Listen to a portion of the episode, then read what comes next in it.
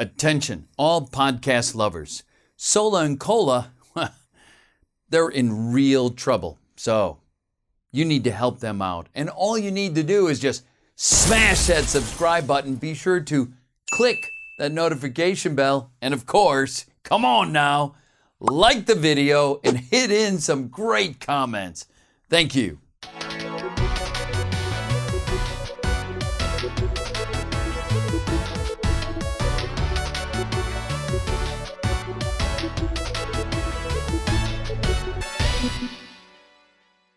Hei, og velkommen til en ny episode av Sola og Cola.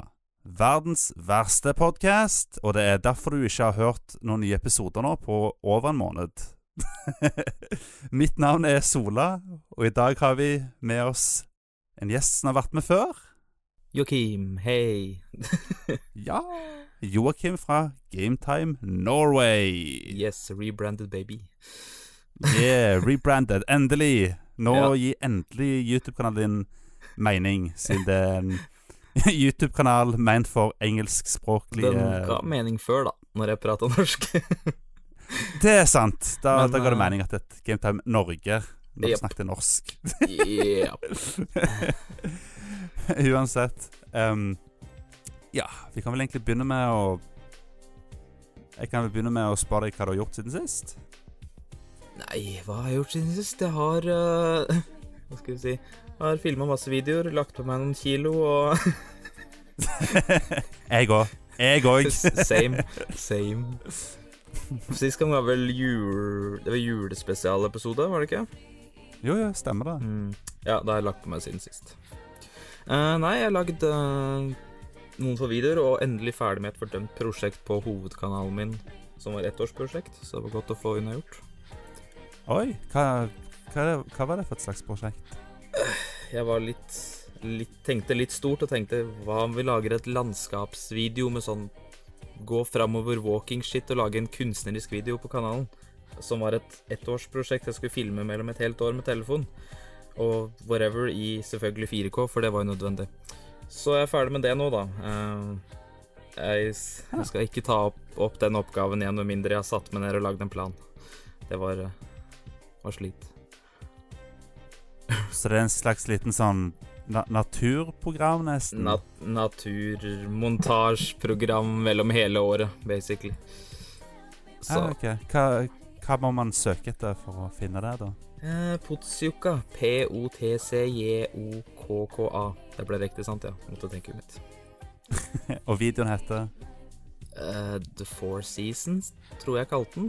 Må, ah, jeg begynner å bli en liten stund siden jeg lasta den opp, men jeg tror det var The Four Seasons den heter. Det er den nyligste oppdat... Det er den nyeste oppdateringa mi der nå, heller opplasting, i forhold til fordi jeg er litt Som sagt, du sa at du Altså, at ikke du har lasta opp podcaster på en stund. Jeg er enda dårligere med å laste opp komediesketsjer på den kanalen, for å si det sånn.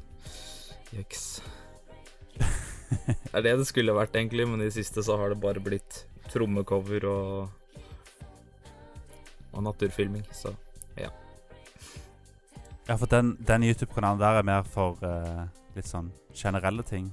Ja, det var jo hovedsakelig ment for at jeg skulle bygge den da til å ha Jeg lagde jo veldig masse sketsjer før med venner og venner og sånn, og fikk med broren min til å være med på en del av dem, og lagde en god del forskjellige ideer og sånn. Jeg har fortsatt en god del ideer, men jeg trenger da folk til å være med, noen til å filme, og at det passer for folk, og de jeg lagde med før, har jeg som regel enten da kan når jeg kan, eller har flytta, eller whatever, så det blir litt Jeg vil ikke sette opp et tripod-stativ og filme meg sjøl hele tida på alle sketsjene og spille 20 roller sjøl.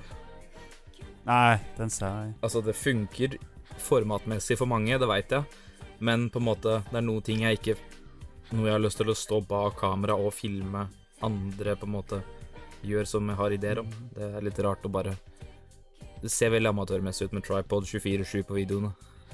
I hvert fall på, hvert fall på sånn, da. Som, Så- som vi snakka om i, i forrige podkast med deg, så er jo du er jo kjent for å ha over ti YouTube-kanaler som alle er Stemmer. Som alle laster opp content på. Stemmer. Ti steg. Det det er heldigvis ikke ti, Nesten men det er en del, da. Det er Main Channel, det er Potsjuka, Gametime, så er det min gamle podkast. Som er Shittalk-podkasten. Og så er det en annen som jeg laster opp, si litt mer et personlig-ish, som tror egentlig ikke så mange veit om. Jeg tror jeg har tre subs på den, eller noe sånt. Uh, som er sånn privat, mer sånn seriøs kanal, basically, hvis jeg prater om noe. Og så er det en Pokémon-kort-kanal der jeg laster opp hver eneste uke nå, og har vært flink med det. Hva Uh, du, hva du gjør for noe der? unboxer Pokémon-produkter i forhold til kort og hva som kommer ut av Ah. nye ting. Ja, for sånne unboxing-greier, er, det- det fortsatt populært på YouTube? Iallfall fall innafor Pokémon og sånn samlekort og sånn, så er det iallfall populært ennå. Jeg vet ikke åssen det er med Jeg har ikke sett så masse på andre ting, men jeg vil tro at det er et I hvert fall Pokémon-kort har et På en måte har ikke dødd ut på sånn, for de har bestandig holdt i live. Så det er jo Ja, sånn, ja. Det er jo egne kanaler som da er dedikert for da si Magic the Gathering-kort. E bare for å åpne det, og så er det bare for Pokémon-kort og bare Det er veldig masse kanaler her som er på det, men jeg er jo allerede si, halvinteressert i å ha noen har sett det, så da tenkte jeg en dag hvorfor ikke laste opp det på en kanal, for jeg begynte å laste opp på gamingkanalen, og så fant jeg ut at ops, jeg laster visst opp mer av de Pokémon-kort-greiene enn gamingkanaler nå etter hvert, og da vil jeg ikke blande de inn, og derfor ble enda en kanal født. Det er, det er sånn alle kanalene mine bør opprette. er sånn Jeg hadde den derre hovedkanalen min som jeg har hatt i elleve år nå. Det var sånn Å, jeg begynte å lage to gamingvideoer innpå den. For jeg tenkte jeg kunne ta et avbrekk noen ganger.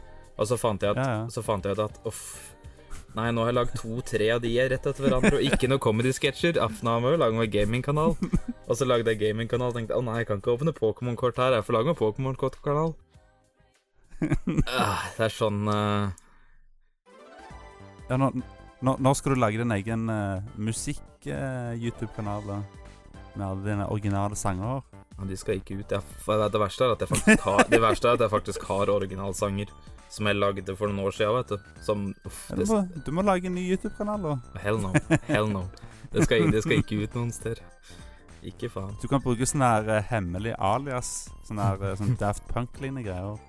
Ja, det er sant. Der du Men har, det, eh, det virker litt uh, Hjelm eller maske på deg, så er det ingen som vet identiteten din. Jeg har, jeg har nok med å å Du er smart. Ja, det er det. Er det.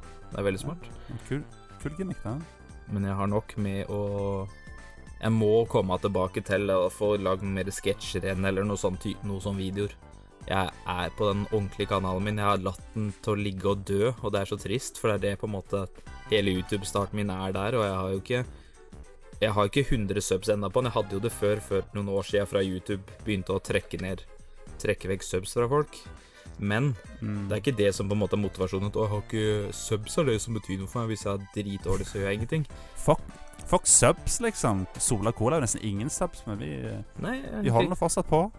ja, jeg fikk én sub for sju timer siden. Ja. Kan, vi, kan vi prate om den kleine kommentaren som jeg fikk på den gamingkanalen min, som jeg nettopp sendte før vi starta, forresten? Var eh, Skal du få lov til.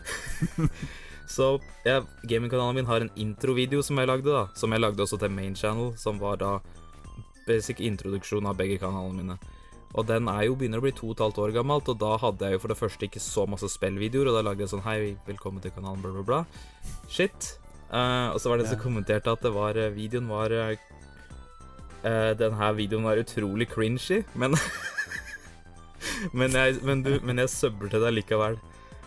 Men han har sletta kommentaren da, før jeg rakk å skrive at, på en måte, at jeg var enig i det. Men uh, Så Ja. Så det var eh, Jeg fikk en til sub, da, så nå er jeg 101, baby.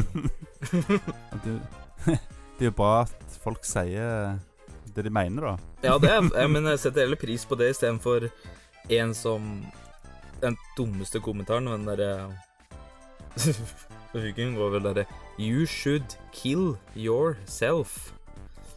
En gang var det sånn med mellomrom hver eneste gang, og så var det sånn smiley face bak. Jeg bare sånn OK. God, god kritikk. God kritikk. Apropos YouTube-kommentarer, så fikk faktisk vi en YouTube-kommentar som var ganske artig for ikke så veldig lenge siden. Okay. Det var på David Wise-intervjuet som jeg gjorde for to år siden på Retterspillmessen. Uh Og kom kommentaren var This guy asks good questions. I like him. Most interviewers ask stupid ass questions, and it's annoying. det var kommentaren jeg fikk på, eh, Jeg, på David Wise-intervjuet. Ja, nei, jeg har ikke fått så mange sånne type ting, men nå har jeg du Jeg føler at podcasting og intervjuting er mye Si spilt er veldig lineært, føler jeg. Du har begrensa hva du kanskje kan si og kommentere innenfor spill, så det Så sånne har ikke jeg fått på noe enda egentlig. Jeg har bare fått sånn good video, good quality, funny, haha.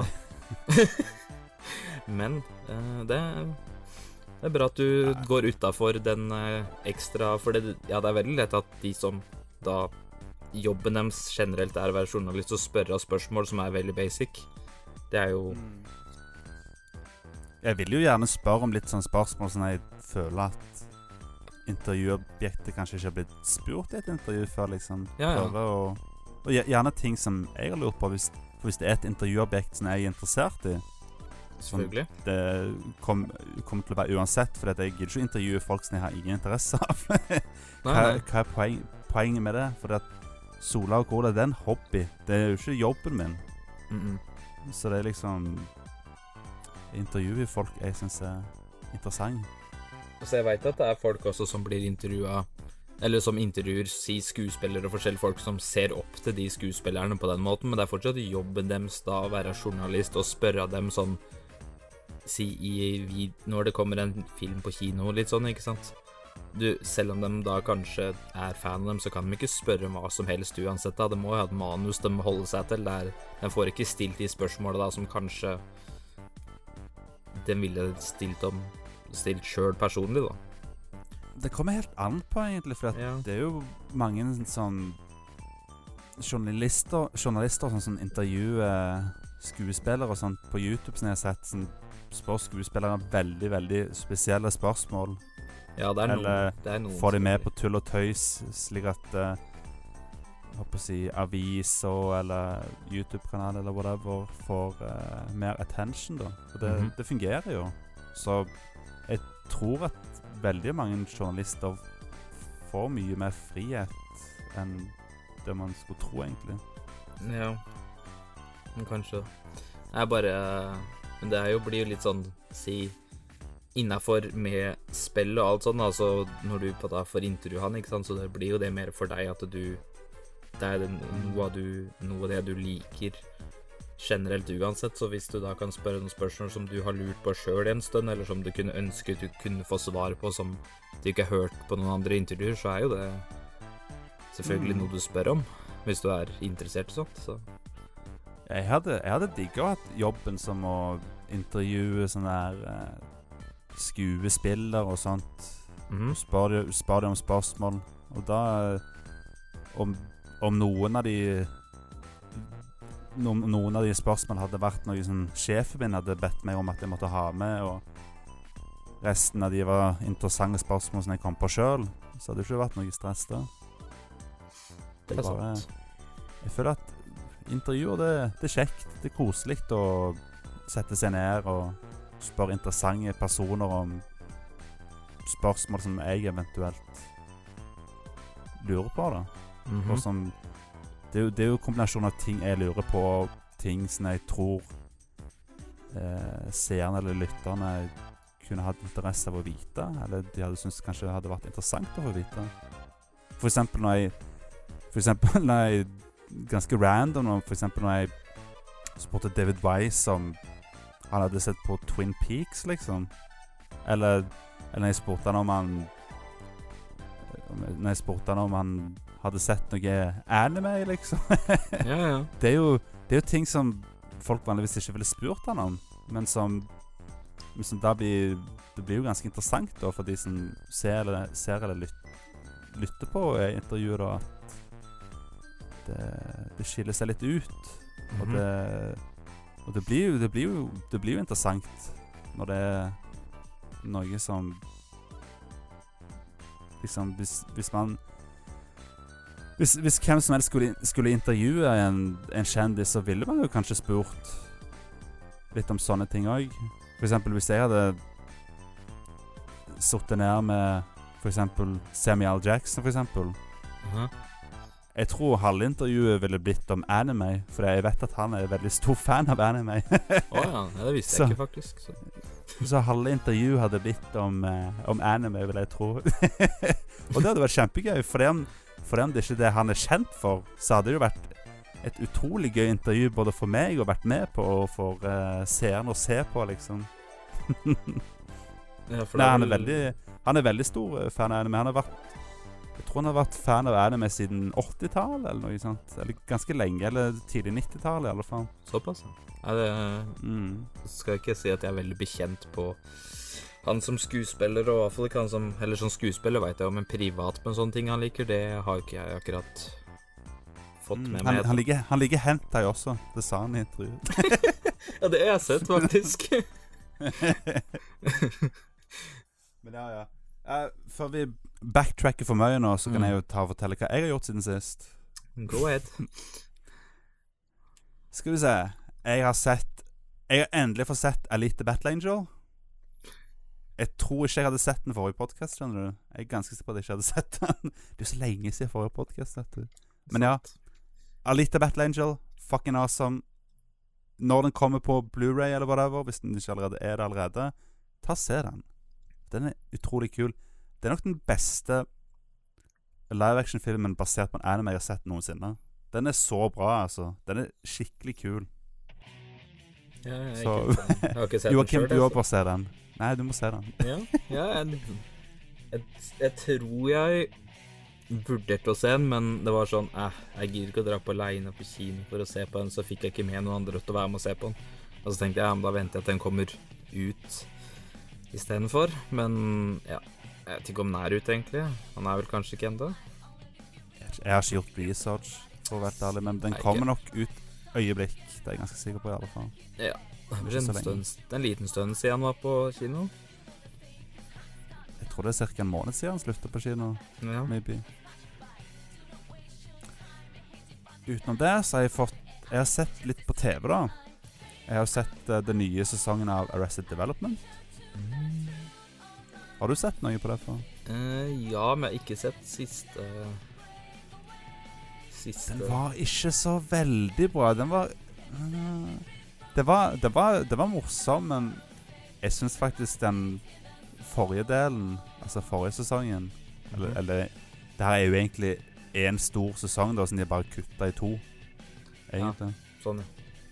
Men det føles nesten ikke sånn ut, egentlig. For at de er ganske Jeg føler at de er ganske forskjellige, de to partene. Så var alt filma samtidig da, eller var det en sånn lang pause, på en måte? Jeg er ikke helt sikker. Det er ikke godt å si. Det kan være at de spilte inn alt samtidig, men så hadde de reshoots eller noe. Kanskje. Det, det må de ha hatt, for jeg føler at den der uh, andre parten var drastisk forskjellig enn den, den forrige. Jeg syns også at uh, den Den første parten var mye morsommere òg. Jeg følte at den var veldig sånn Veldig sånn De hadde endelig funnet, funnet formen til det klassiske Arrested Development igjen. Mens den Mens det som, de episodene som kom ut nå, det var liksom det var, det var litt skuffende, rett og slett. Jeg koste meg så mye med den- forrige parten, og så var det liksom I don't know. Men Da er jo spørsmålet det Ville det vir- du det- Ja, fortsett. det, det virker som at det er slutten på serien òg nå. I alle fall Slutten var Slutten på den nye sesongen var, var, var, veld, var, veldig, var veldig stilig, men det ga egentlig ikke noe mening. Hvis du har, hvis du har sett den sesongen, så forstår du hva jeg mener. Den sluttrevealen da sånn Mhm. Det er bare OK. OK, dette her, dette her er morsomt, men etter episoden ferdig så tenker du doesn't make any sense. Så da ville du da, som for din egen skyld, som, for, som en fan av programmet, ville du helst da at den på en måte da prøver å avslutte hele si, serien i seg sjøl, eller vil at de på en måte skal prøve å lage mer og se om de kan jobbe videre på det, liksom, på den måten, eller vi var jeg vet ikke helt. Fordi jeg er er veldig liksom- sånn Jeg er veldig opp og ned på serier på den måten. Jeg Dette er ikke det samme, men Supernatural for min del kunne hatt slutta for noen sesonger siden. Og jeg elsker Supernatural på den måten. Men jeg føler det er dratt så langt ut med forskjellige ting og konsepter at det på en måte da har mista det Mm. Altså, dem har jo da skal jo slutte nå etter 15 sesonger. Men jeg føler 15 av de De hadde ikke trengt å lage så mange før de ga seg. Det mister litt Nei. av på en måte De bare gjør det for å gjøre det, føles det ut som. Så om du føler det sånn med den serien, eller om du følte at det burde ha slutta før du gjorde det, eller Ja Jeg vet ikke helt. Jeg, holdt på å si, jeg, jeg har egentlig Folk har litt forskjellig mening om de De der såkalte Sequel-sesongene til klassiske Arrested Development. Altså etter Netflix eh, tok opp eh, Stemmer. rettighetene. Stemmer. Folk har litt blanda følelser om det, men jeg syns at den første sesongen som Netflix hadde, var bra. Jeg likte den. Den var veldig annerledes, men jeg likte den. Og så kom de med remix-versjonen av den sesongen, der de prøvde å få den sesongen til å bli mer, mer Litt mer tradisjonell, siden den der eh, første sesongen til Netflix, da hadde de liksom hver episode fokuserte på én person. En karakter. Mens, eh, mens de valgte da i den remix-versjonen Da remixa de slik at alt ble veldig rotet igjen, slik det var i originale Arrested Development. Ja, OK. Slik at det liksom Du blanda scener fra alle episodene, liksom, på en måte, i en blender, og prøvde å lage litt nye jokes med det, liksom. Så Jeg, jeg syns den remix-designen var ganske kul, men I don't know. Det Det er ikke godt å si. Men uansett, det De to sesongene som kom etter det, altså den ene sesongen som var i fjor og i år Mhm. Første delen, som sagt, bra. Jeg følte at det var mer, mer likt klassisk Arrested Development igjen. Men allikevel ikke like morsomt, men allikevel morsomt, da. Men den nye eh, Den var veldig hit, hit og miss, syns jeg, da. Men I don't know. Jeg håper de tar og avslutter serien med en film nå. Det er det jeg vil at de skal gjøre, for de har snakket om Arrested Development-filmen i mange år nå. Så Ja. lag den fuckings filmen og bli ferdig med serien. Ja. Så får de eventuelt lage en spin-off eller noe om ti år, hvis de har en, en god idé, liksom. For jeg føler ikke at just, just let it rest. Finn på noe gøy med det, men ikke prøv å lage klassisk Arrested Development igjen. Det, jeg tror ikke det fungerer helt lenger, for å være helt ærlig. Mm, Nei. Det er liksom Mange av de skuespillerne er ikke like morsomme som de en gang var. Jeg vet ikke om det er direction, eller om det er skuespillerne. Jeg tror ikke det er skuespillerne. Jeg tror det er Det er en blanding av direction og manus, vil jeg tro. egentlig. Ja, det er jo påvirkelse også da, av, som sagt, med manus og litt forskjellig, at de som skrev Altså, ideen at de Det gjelder kanskje alle serier, føler jeg, at hvis du ikke er virkelig ikke står på det som du gjorde fra starten av, så har du Så blir du vel påvirka av andre sine ideer og tanker og sånn litt på det, og så kanskje du tar en liten vri på det, og så kommer du litt vekk, langt vekk fra det uten at du vil det sjøl, egentlig, eller uten at du tenker over det, da. Og hvis du da stjeler du, du stjeler ideer som du kanskje tenker noen andre hadde, så du veit jo ikke hva originalskaperen tenkte, men at du tenker kanskje han, han eller hun hadde den ideen, så kanskje jeg skal prøve det samme. Det, det er ikke noe fasit på det sånn, jeg vet ikke Det er vanskelig der, men når det er så mange sesonger Han originalskaperen er jo fortsatt veldig eh, Han er jo fortsatt veldig in involvert i de Mhm. nye sesongene, da. Så I don't know. Det skal ikke så mye til for å ta den til en litt annen Litt annen vending på det, altså. Det skal ikke så masse til. Nei, nei, kanskje hvis jeg hadde fått noen spennende nye regissører involvert, liksom. Kanskje det hadde blitt bra, da. Noen kunne, spennende manusforfattere, Kunne. maybe. Nei, Får satse på at de uh, ikke drøyer det sesonger etter sesonger ut, så det er på en måte alle sammen som likte det da, ikke ser på det i det hele tatt. Og når det da, hvis det kommer en film da, så har den ingen interesse for det nesten å se det mer i det hele tatt. Mm. Det kommer nok til å nok til å bli avslutta på samme måte som Community. Plutselig så bare mister folk interessen fordi at det, det var ikke like bra som det en gang var. Nei. Det kan Og så, blir det kansellert. Ja, det òg. Det pleier å Det pleier å gjøre slutten på noen serier, som regel, det, altså. Kansellert for andre gang, akkurat som Arrested Development kommer til å bli kansellert for andre gang. Nice. ja, ja. Å ja, du. Mm. Vet du hva? Jeg har fått meg en elektrisk sykkel nå. Det har jeg lyst til å ha Mhm. sjøl òg, men jeg må prioritere andre ting, for jeg er på Jeg er ikke på flyttefot nå, men snart på flyttefot, og så skal jeg jo snart besøke deg, og så skal vi jo på spillmesse.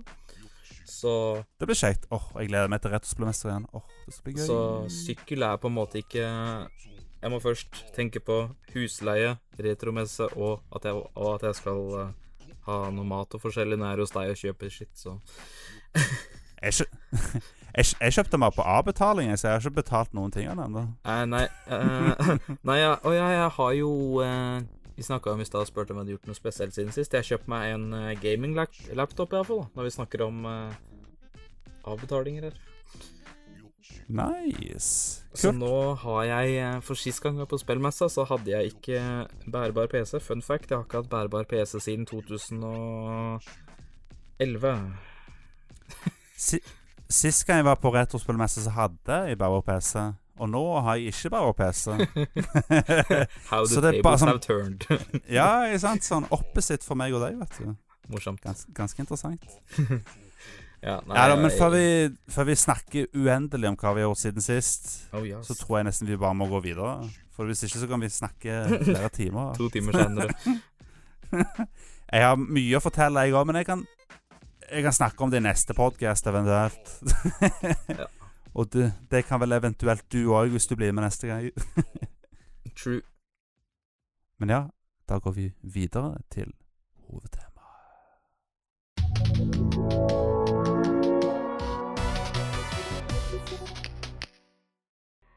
Ukens media denne gangen er Generation Zero til PC av folka som ga oss Just Cause-spillene. Så Joakim, fortell meg litt om Generation Zero. Hva i all verden er det for noe? Eh, Generation Zero er basert på 80-tallet. Det var det. 80-tallet i Sverige. Stemmer det? Da på en måte roboter har da tatt over. Eh, robotene kom fra, det er godt spørsmål. Men eh, det er da Mech-roboter som går rundt, og de har tatt over Sverige da tydeligvis på 80-tallet. Og da er det basically du spiller som en survival, survivor der, sammen med flere hvis du har lyst til det, opptil fire player. Og du skal da Jeg vet ikke, som du spiller nå, så veit jeg ikke om du har Du har vel en main quest som du skal følge, men spillet er litt tomt, akkurat som det er nå. Men uh, hva endgoal er på den, da, det har jeg faktisk ikke sett etter. Er, jo, det er jo ganske stilig, da, for at det er, det er på en måte et slags survival-spill, men det er likevel ikke det. Og det er på en måte også et På en måte en walking simulator, men det er Mhm. likevel ikke det heller. Nei, nei, det er ikke det. Så Det er liksom- Jeg, så, en, en anmelder kalle det for en walking simulator hvis du hadde adda guns. En walking simulator med guns.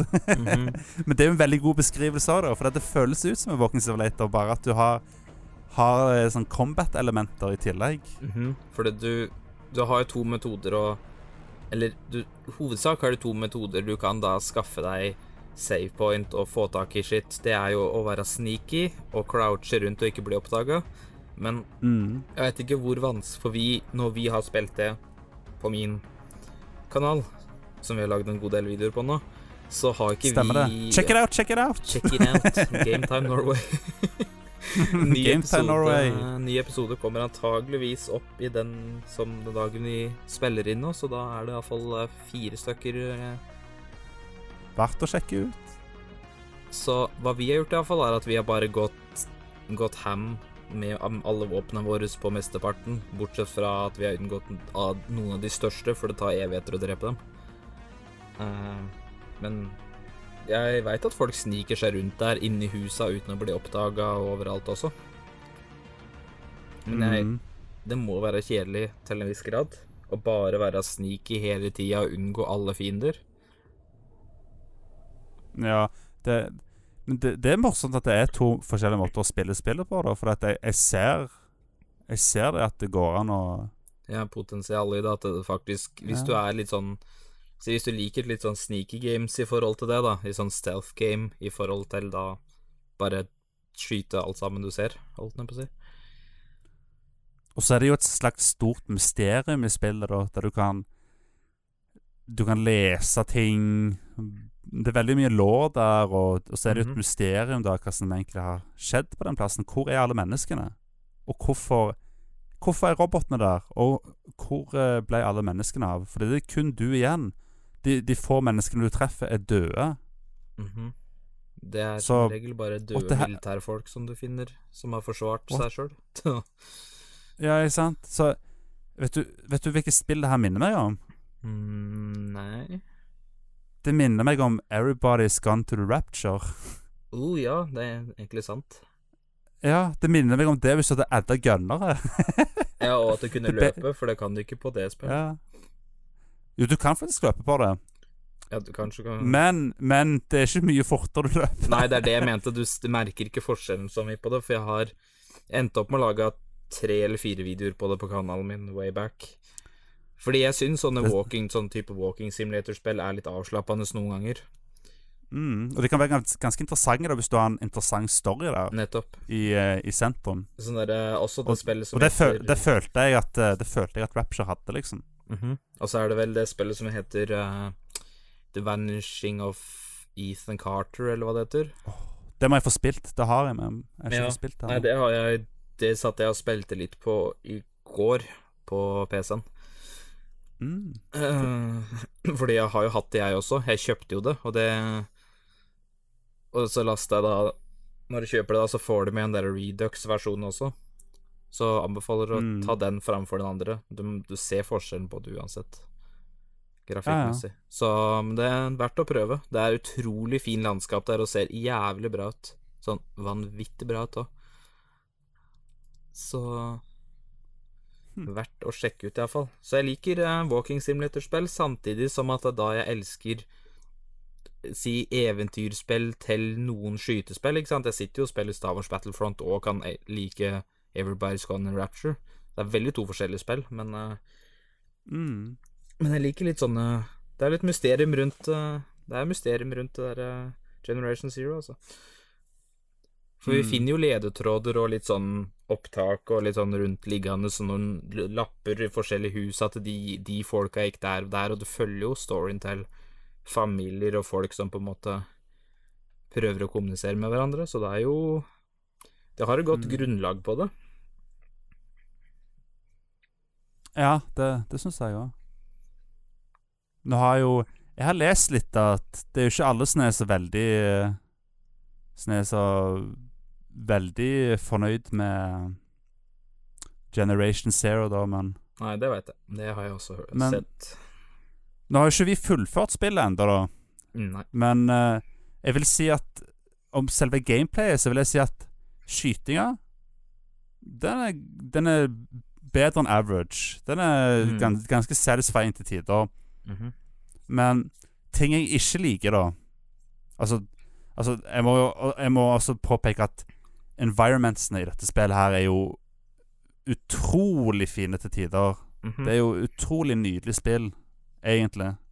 De har vært veldig flinke Men- på environment på den måten, ja. Ja, så det Hvis du vil, hvis du, hvis du vil spille et, et pent spill, så kan jeg fint anbefale det spillet her. Mhm. Men eh, jeg må ærlig innrømme at jeg syns Everybody's Gone to the Rapture var et penere spill, egentlig. Ja, ja, for der hadde du Det som jeg tenker, er at det er samme Det samme gjelder også The Vanishing of Ethan Carter. Er at du Mm. Walking Simulator-spill sånn legger enda mer fokus bare på da at du ikke har fiender. Du har ikke våpen og items du plukker opp. Du har ikke det ekstra de må fokusere på å bruke energien på, som kan putte Så de putter enda mer jobb da i landskapet i tillegg. Mm. For det er så mange spill som jeg syns iallfall, spill generelt mange spill som fokuserer veldig masse på eh, si slåssmekanisme, skyting, whatever. Så da blir alt landskapet rundt blir mindre fokusert på og mindre arbeida med. Så jeg tror det spillet her er en midt imellom, sånn at de har tatt jobba god del med landskap og hvordan det ser ut, samtidig som at de har vært ganske flinke på alt med skyting og våpen og sånn, og det derre systemet der samtidig. Så det er en sånn mellomting. Ja, ja det, det, det tror jeg jo egentlig. At de har tatt litt av på en måte 50-50 fokus på combat og 50 på, lands, på environment. Mm.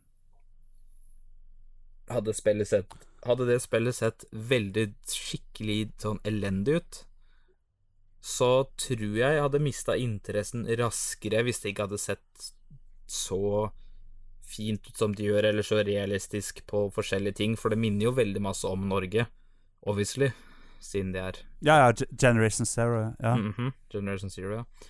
Det, obviously så minner jo det om Norge, selvfølgelig. Så du, vi får litt den følelsen av å spille da, at du liksom kunne vært en Mm. norsk skog, sånn sett. Det minner meg om sånn der uh, Når jeg var i Sverige på tidlig 90-tallet, liksom, som kid. Ja, ja, ja. Det er, litt, det er litt den feelingen jeg får når jeg vandrer rundt der i, i øde Sverige, jeg håper å si. Ja, ja. Nei, for det er jo litt vanskelig for oss å, å gå rundt der i Som på 80-tallet, akkurat. Ja, det er sant, men tidlig 90-tallet var jo ganske likt 80-tallet, da. I alle fall midten av 80-tallet. Ja, det var jo det, da. I hvert fall Så man, man kjenner seg litt igjen. Ja, ja. Nei, så det er på en måte Jeg tror det er det som. Den tilknytninga der tror jeg ja, Sånn som For alle som kjøper det spillet, da, som sier bor i USA eller hvor, hvor som helst andre steder, de da på en måte, når de spiller det da, så har de Jeg tror det er det som gjør det ekstra, at du syns setter mer pris på environment, er at du Det er noe du kjenner igjen, på en måte. Når du på en måte bor her i Norge eller i Skandinavia, så er det noe du setter mer pris på Mm. tenker jeg, da. Hvis det er noe du Si hvis du spiller i whatever plass, da. Si hvis du er fra Frankrike, og du får et spill som er basert på i, i, i Paris, for eksempel, og de har gjenskapa det mest som mulig, så selvfølgelig føler du at det spillet er ek litt ekstra da, fordi det er noe du er Ja, kjent med. Ja, selvfølgelig. Mm. Men spillet som det er nå, mener jeg at det Det er litt tomt for ting på den måten Eller Ja, sånn det, var, det, var, det var akkurat det jeg skulle, skulle si for du avbrøt meg. ah, ok. Sorry. Det er jo rett og slett Herregud, for et repeterende spill til tider, hæ? Mm -hmm. jeg, føler, jeg føler at nesten det til, til tider Altså, jeg elsker å lute ting, men til tider så føles det ut som en sånn der uh, loot-shooter til tider. Det har liksom elementer til det òg, og det, det føler at hal, halvparten av spillet går til å eh, gå inn i et nytt hus som ser helt likt ut som Ja. det forrige. Ja, det det jeg Der skulle si. der du luter ryggsekker og ting. Det var akkurat det jeg skulle si. Eh, husa, de burde hatt bare gjort litt om på omforminga innvendig på husa, for husa ser jo ikke like ut på yttersida alle sammen. Nei, så nei. hadde de bare, si, bare snudd huset andre veien innvendig, for eksempel, eller speilvendte, eller bare flytta, Mm. si, trappene et annet sted, bare brukt noe av det samme, men bare gjo, gjort om litt her og der på det. Ja, en, en av de største overraskelsene jeg kom til forrige gang vi spilte Jeg tror ikke jeg nevnte det engang, men jeg ble ganske overraska. Det var Vi gikk inn i et hus, eller jeg gikk iallfall inn i et hus Unnskyld. Jeg gikk iallfall inn i et hus. Og når jeg skulle gå inn i det, det rommet i andre etasje, som vanligvis er toalettet, Mhm. så var det faen meg et gjesterom der inne istedenfor. Oh, Da ble jeg, da ble jeg overraska. Ja, det var det. Yes. Istedenfor toalett, så var det, et, var det et gjesterom der inne. Da ble jeg overraska. Oi, oi, oi, tenkte jeg liksom. Det var, Ja, det var ingenting å lute der inne, da, men det overrasker meg likevel. Ja, for det, det, det jeg merker forskjellen på huset, er at det er noen som kutter av for alle som har spilt spillet. Du går inn i et hus, du går inn i huset, og kjøkkenet er, så har du enten Den døra er avstengt helt, eller så er den at du Mm. kan gå inn i den, og hver gang du kan gå inn i den da, så har den bare adda på et ekstra rom med to ekstra Med da en mindre stue og to, to soverom. Og hvis ikke, så er bare den Mm. låst ellers. Det er det eneste største forskjellen de gjør fra hus til hus. det gjør jo at det er lettere å lute hvert eneste hus, da, men det gjør det også veldig kjedelig. For det er så jævlig mange hus å lute! Ja, du, ja vi er Ah. jo Vi er jo si, Vi går rundt ganske så smålandsbyer samtidig, men det er det du samtidig skal Du får storyen på spillet, og noen så er jo gå rundt VIF. Mm. Jeg veit ikke hvor mange oppdrag vi bare har tilfeldigvis fullført, men bare gått et sted og bare plukka opp noe, og så bare Å, ok. Og vet du hva det verste er? Hvis du er en completionist, Å, fy faen. så må du lute alle de fuckings husene for å få hver alle de eneste der, lille eh, sekk, hver eneste lille boks. Å, herregud, ja. Det er jo Det er jo, for, det er jo forferdelig hvis du, hvis du har eh, Hvis du føler at du må gjøre det, liksom. Ja, hvis det er skikkelig OCD på om at du skal fullføre 100 For hvis det står at det er én igjen, um, Ja. da Ja. Da blir det verre, ass. Oi. Mens vi snakket nå, så plutselig begynte Bixby å uh, pipe. Han, hadde, han, for, han trodde jeg snakket til Bixby. ok. Hva i all verden? Er det det? Hva er det han- søker for noe? Alison Hixenbar? Ok. OK. Hva i verden er det for noe? Cancer Center? Hva i verden? Vet du hva? Vær så snill, Samsung, fiks Bixby, for det her blir for dumt. Jeg, jeg hadde til og med telefonen på lydløs, og så begynner Bixby å begynne å snakke. Men ja, ja. La oss, kom, la oss komme til en konklusjon av, uh, av Generation Zero. Mhm. Hva er endelige, din endelige mening om spillet? Spillet i seg sjøl er Jeg syns det er interessant, eh, sånn lauren med det og alt sammen, men at det er rett og slett for gjentagende og for tomt akkurat nå, så du burde putte inn flere oppdrag da du Du har mer å gå etter istedenfor å bare finne tilfeldigvis oppdrag. Så overall er spillet kan være litt for looty av seg, men eh, jeg liker spillet sånn som det er nå også, men jeg kunne ønske at det var litt mer fyldig innhold i det i forhold til hvor stort området er. Mm. Så Jeg tror. Hvilke score ville du gitt spillet som det er akkurat nå? Eller, eller det du har spilt hittil, liksom? Hva er din score? Din, din score som sikkert kommer til å forandre seg. Seks, eller seks og en halv av ti, kanskje. Noe sånt. Mm. Ikke noe høyere enn det, tror jeg. Jeg, tror, jeg tror jeg er helt enig med deg. Enig med deg. Det, det, som, det som redder spill, er atmosfæren. Det, ja. Det er det som Det som gjør spillet. Atmosfæren og eh, Ja, e- egentlig bare settinga. Setting og atmosfæren og Ja, det er vel det, er vel det egentlig som gjør spillet. For, for min del, i alle fall. ja, det er for meg liksom, sånn- Det var det som fikk meg interessert i det også, uansett om jeg Mm. For jeg kjøpte jo det før Forhåndsbestilte jo det før det kom ut, så jeg visste jo ikke åssen det kom til å være. Mm. Det- Men av det jeg så av det, så så det i hvert fall atmosfærisk ut, og at det Og det at du kan spille det i multiplayer, og det det, gjør også spillet mye bedre. Jeg hadde ikke giddet å sitte og spille hele spillet single player. Jeg tror det hadde blitt litt, litt kjedeligere, da, for å være helt ærlig. Ja, det det, det er ikke nok eh, Det er ikke nok historie der til å være Til å bli en walking shooting simulator, da, selv om når du spiller det helt aleine. Spillet, spillet for langt til å være en interessant Interessant walking simulator. Mhm. Og det er Og det er for lite action der. Eller til å bli et bra actionspill. Så det Det er en slags Det faller liksom litt imellom. Det faller det liksom litt Ja, det faller kort på hver sin side.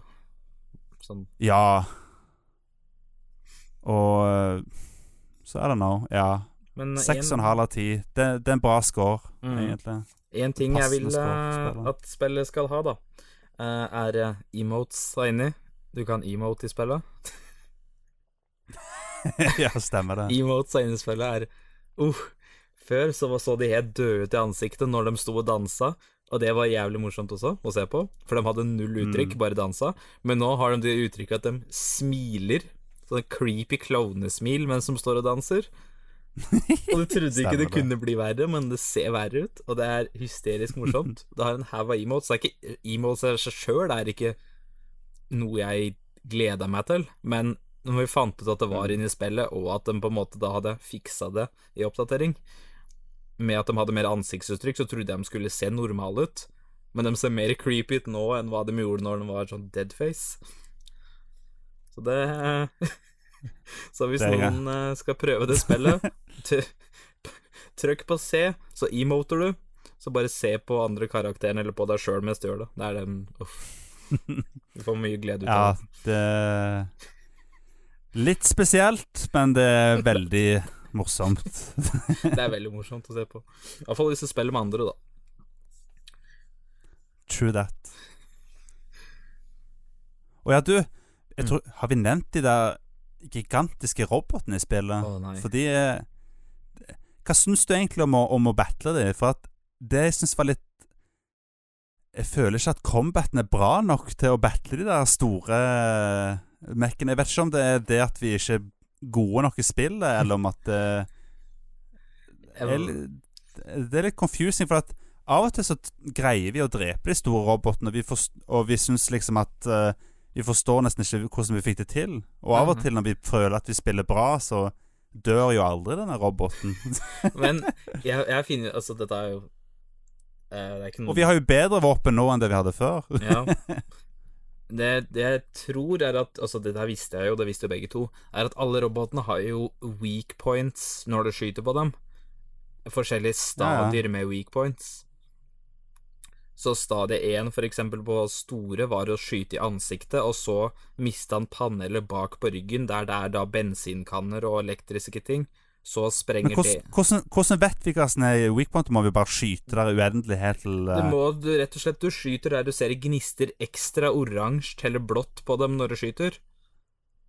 ah. Det er da du ser så dem Si noen av de litt mindre mekkene, for eksempel. Si de små som jeg kaller bikkjer. De har jo ikke det. Men de har sånne små kanner på ryggen, så hvis du skyter av panelet på Ja, ryggen hans, så det- det sprenger han jo.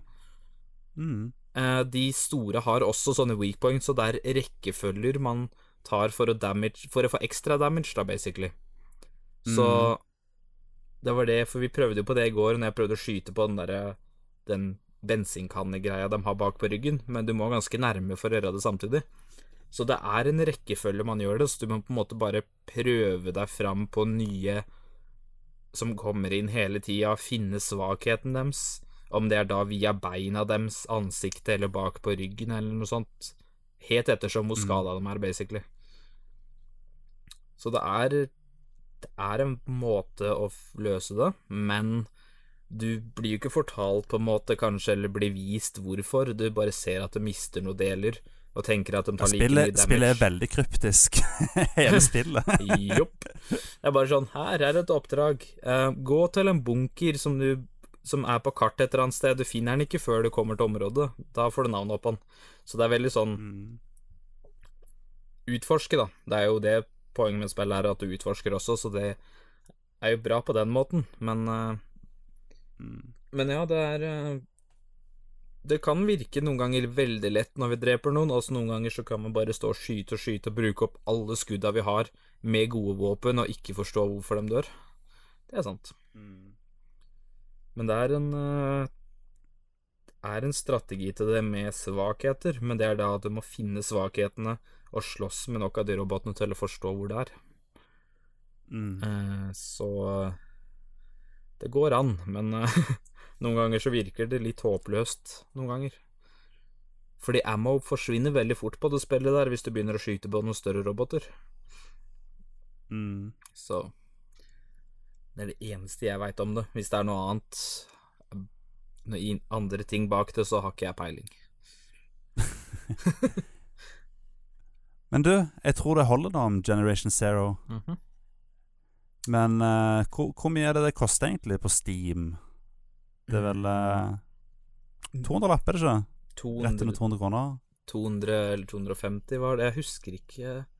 Det var Nei, okay. rundt, rundt 200 kroner, da, så hvis Så få med, med deg en venn, så kommer Ja, du nok til å ha det gøy.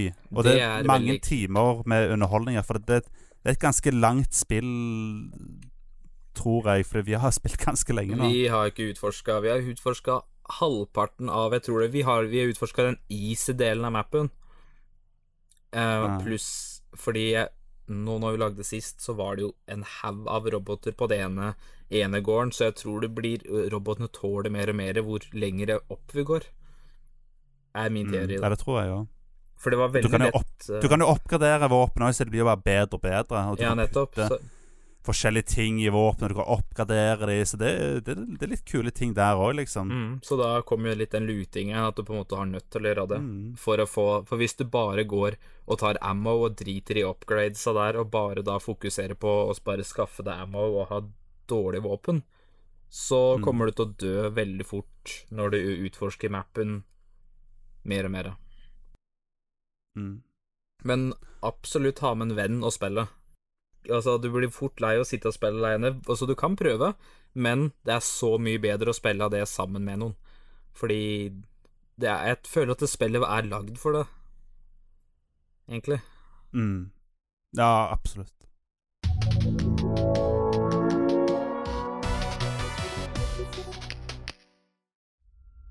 Ukens retro denne gangen her er noe som Er det retro i det hele tatt? OK. Det retro-ting vi kommer til å snakke om, i alle fall. For vi skal kåre de fem beste skrekkfilmene ever. Og vi har hver vår liste nå Stemmer. med våre favorittskrekkfilmer. Og du er mye mer glad i skrekkfilmer enn det jeg er. Mhm. Folk har så masse meninger om hva som er skummelt. Folk kan jo ha skikkelig klovnefobi, og at it er noe av det verste de veit om. Mm. Ja, for hvordan Hvordan definerer du en, en skrekkfilm? Liksom, det, Der har du også tingen, Fordi at bare fordi at det står på INDB at filmen er horror, så trenger det ikke bety at den er mer horror enn en annen film på INDB som, står, som det ikke står horror på, hvis du forstår hva jeg mener. Mhm. Nei, det er jeg helt enig. Jeg uh, har sett utallig mange filmer som jeg har lasta ned, og forskjellige ting.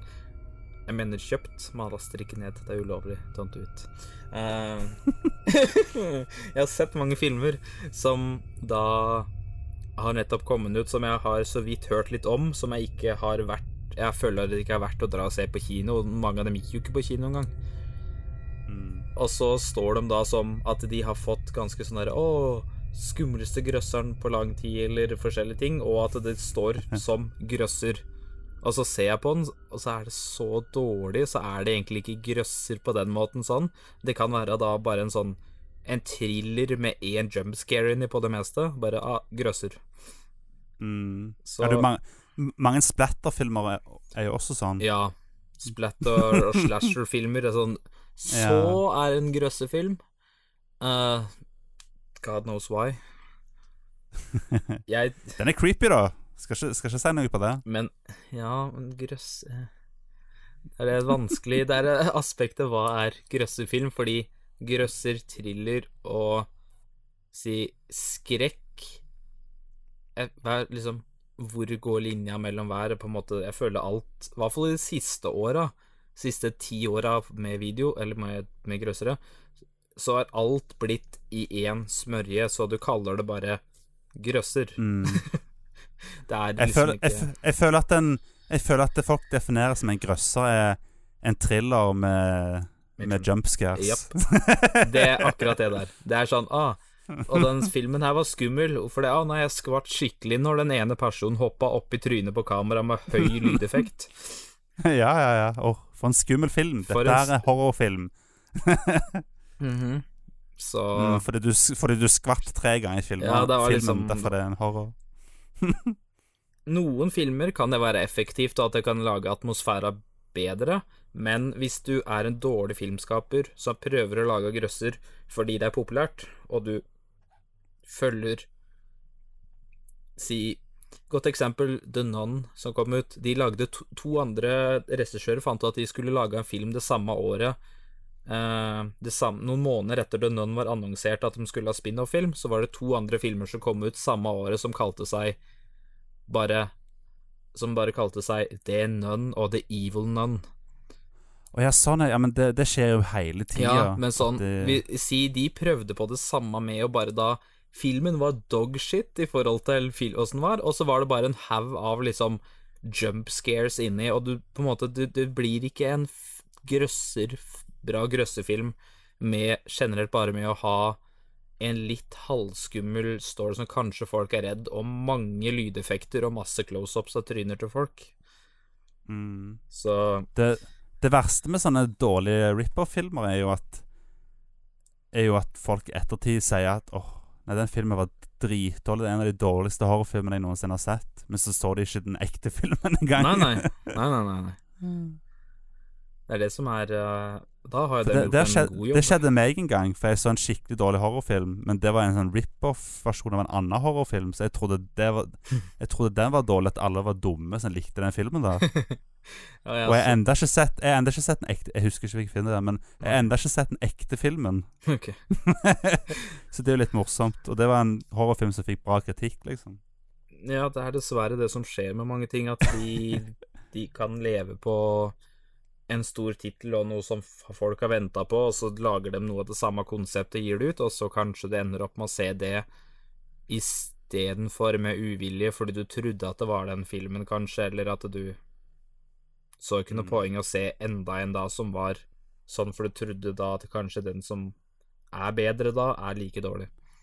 Så Det, det er jo mest, mest populært i, i horrorsjangeren og Ja, ja. tegnefilmsjangeren. Å, herregud. Disney rip-offs og sånne ting. Oh god, det er så mange andre Dette her Dette er noe jeg aldri Jeg tror jeg ikke aldri prata om det med deg før. Men når du går på laster ned filmer eh, Jeg mener, se på filmer eh, på, nett, på nettsida der, så står det da 'newly uploaded', hva som er nytt. Og det er så mange dårlig animerte filmer som er så rippa av Disney-filmer at jeg blir sliten. Jeg, jeg tror jeg har sett sju forskjellige filmer jeg, som ser helt likt ut som Frozen. Ja, ja, stemmer det. Masse Frozen Og så eh, Cars, er det noen som kalte Hva er det de kalte det? Ja. De kalte Jeg har sett to filmer. The Trucks og The Trucks 2. Og det, det er bare sånn Så masse Frozen-ting, og sp spesifikt Frozen og biler, eller Cars, og, og Oppdrag Nemo og dinosaurusfilmer. Bestandig fordømte animerte din dinosaurusfilmer som ser helt det, det Jeg skjønner ikke Og det verste er at de Jeg jeg har aldri hørt om filmene Vet du hva? Jeg, jeg syns ikke at folk skal drive med piratkopiering, men hvis det er noen filmer som folk skal få lov til å piratkopiere av Så er det de filmene. så, så er det de Ikke elendig dårlige filmene som kun er lagd for å lure consumere. Fordi De kan du få lov til å piratkopiere. Men du, vet du hva? Vi må nesten begynne på topp fem-lista vår før det blir altfor seint. Fordi vi er ganske langt over, over skjema allerede. Så vi kan begynne med din Vi kan begynne med, vi kan begynne med din nummer fem. min Beste skrekkfilmer ever. Beste skrekkfilm ever. For meg så er det Nummer fem. Nummer fem. Nummer fem. Ja, ok, ok, ok. Nummer fem for meg står er Sinister. Har du sett Sinister? Den har jeg faktisk ikke sett. Den har du ikke sett. Hva er det for noe? Eh, uten å Jeg kan bare fortelle plottet uten å si altfor masse på det. Vel, veldig kort oppsummert. Veldig kort. Du, det er en fyr, sa en morderdude, som da lever i gamle sånn filmruller som du spiller av på prosjektor, eh, som, som da tar og stjeler unger og dreper familien til de som på basically ser ser den rullen, og han da kidnapper ungene og dreper familien. Og det er ikke å spoile, det er, de viser det på traileren. Uh, så det er en sånn fyr, da en sånn skikkelse som lever da igjen, fordi noe er på en måte dokumentert på det, nesten som The Ring, basically, med VHS-en. Mm. Men du da At de da At han hjernevasker ungene, basically, og da får de til å gjøre forskjellige ting, og prøver å kidnappe dem. Så det er verdt å se. Det er to stykker av det. eh, Sinister 1 og 2, men eneren er mye bedre enn toeren. Jeg tror faktisk jeg har sett toeren. Du har sett toeren? ja, for det, Wow. jeg trodde det var Conjuring 2 jeg hadde sett, men det er Sinister 2 jeg har sett. Faktisk. Har du ikke sett Sinister Jeg te- jeg 1? tenker. Nei. Jeg, så, jeg endte opp med å Det var en kompis av meg som hadde lyst til å se, som hadde lyst til å se den. Mhm. Så da endte vi opp med å se den. Og Ja, men jeg har den, igjen, altså. vi kan det er se. ikke den beste skrekkfilmen jeg har sett, den der Sinister 2. Nei, toeren var veldig svak i forhold til eneren. Den Ja, hadde mista mye av det den had- Den hadde sine moments, men det var, det var ganske kjedelig. Den hadde mista, mista mye av gløden på toeren i forhold til eneren. Kan jeg, det kan jeg si helt ærlig. Den på en måte virka veldig gjentagende, så veldig konkurranse i forhold til Det virker ikke gjentagende for min del. jeg, hadde bare, jeg har bare sett toen. Men eneren er en bedre versjon av toeren, OK? ja, ok. Jeg får ta og se eneren, da. Ja. Den, så den er mye bedre enn toeren? Ja, den er mye bedre enn toeren. Da må jeg få sett den. Min nummer fem er Jeg hadde egentlig tenkt å ha Evil Dead på lista, men jeg greide ikke å bestemme meg om jeg skulle ha Evil Dead 1 eller 2. Det var ganske vanskelig. Så da valgte jeg ingen av de. Og så tok jeg heller Så tok jeg heller Bubba Hotep på femteplass. Og det er hva? Det er en film som også Bruce Campbell er med i. Men i denne filmen her så spiller han Elvis. Har du sett den?